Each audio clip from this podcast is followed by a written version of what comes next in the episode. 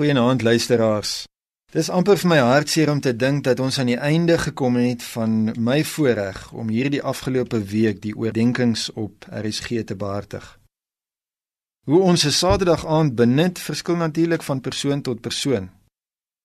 Tog bid ek dat daar vanaand reeds in hierdie tyd van oordeenking aan môre gedink sal word. Môre is die dag van die Here die dag waarop die Christene sedert die Nuwe Testamentiese tye die opstanding van die Here Jesus gevier het. Hierdie vroeë Christene was Christene wat nie net die woord gehoor het nie. Hulle het dit ook gedoen. Ek het al dikwels met verwondering gekyk na die uitbeelding van Christene wat in daardie tyd op 'n brandstapel vir hulle geloof gesterf het. Dit wat ek amper sonder uitsondering gesien het, was vreugde en blydskap op hulle gesigte selfs in daardie oomblikke terwyl hulle sterf. Die woorde van Jesus was sigbaar in hulle lewe op hulle gesigte. Hulle het dit gedoen.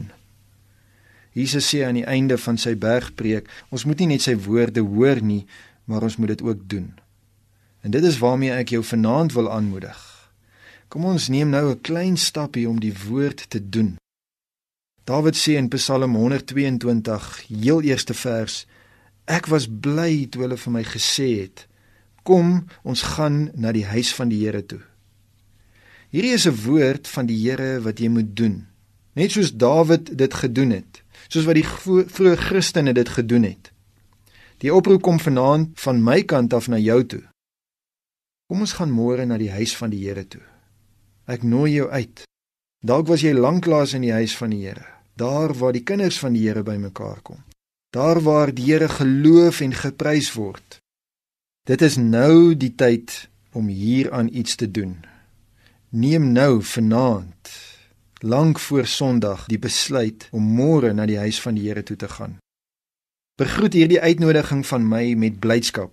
Sê vir iemand jy is opgewonde om môre na die huis van die Here te gaan gaan met 'n blydskap en 'n verwagting en die Here sal jou gebed verhoor. Kom ons bid saam.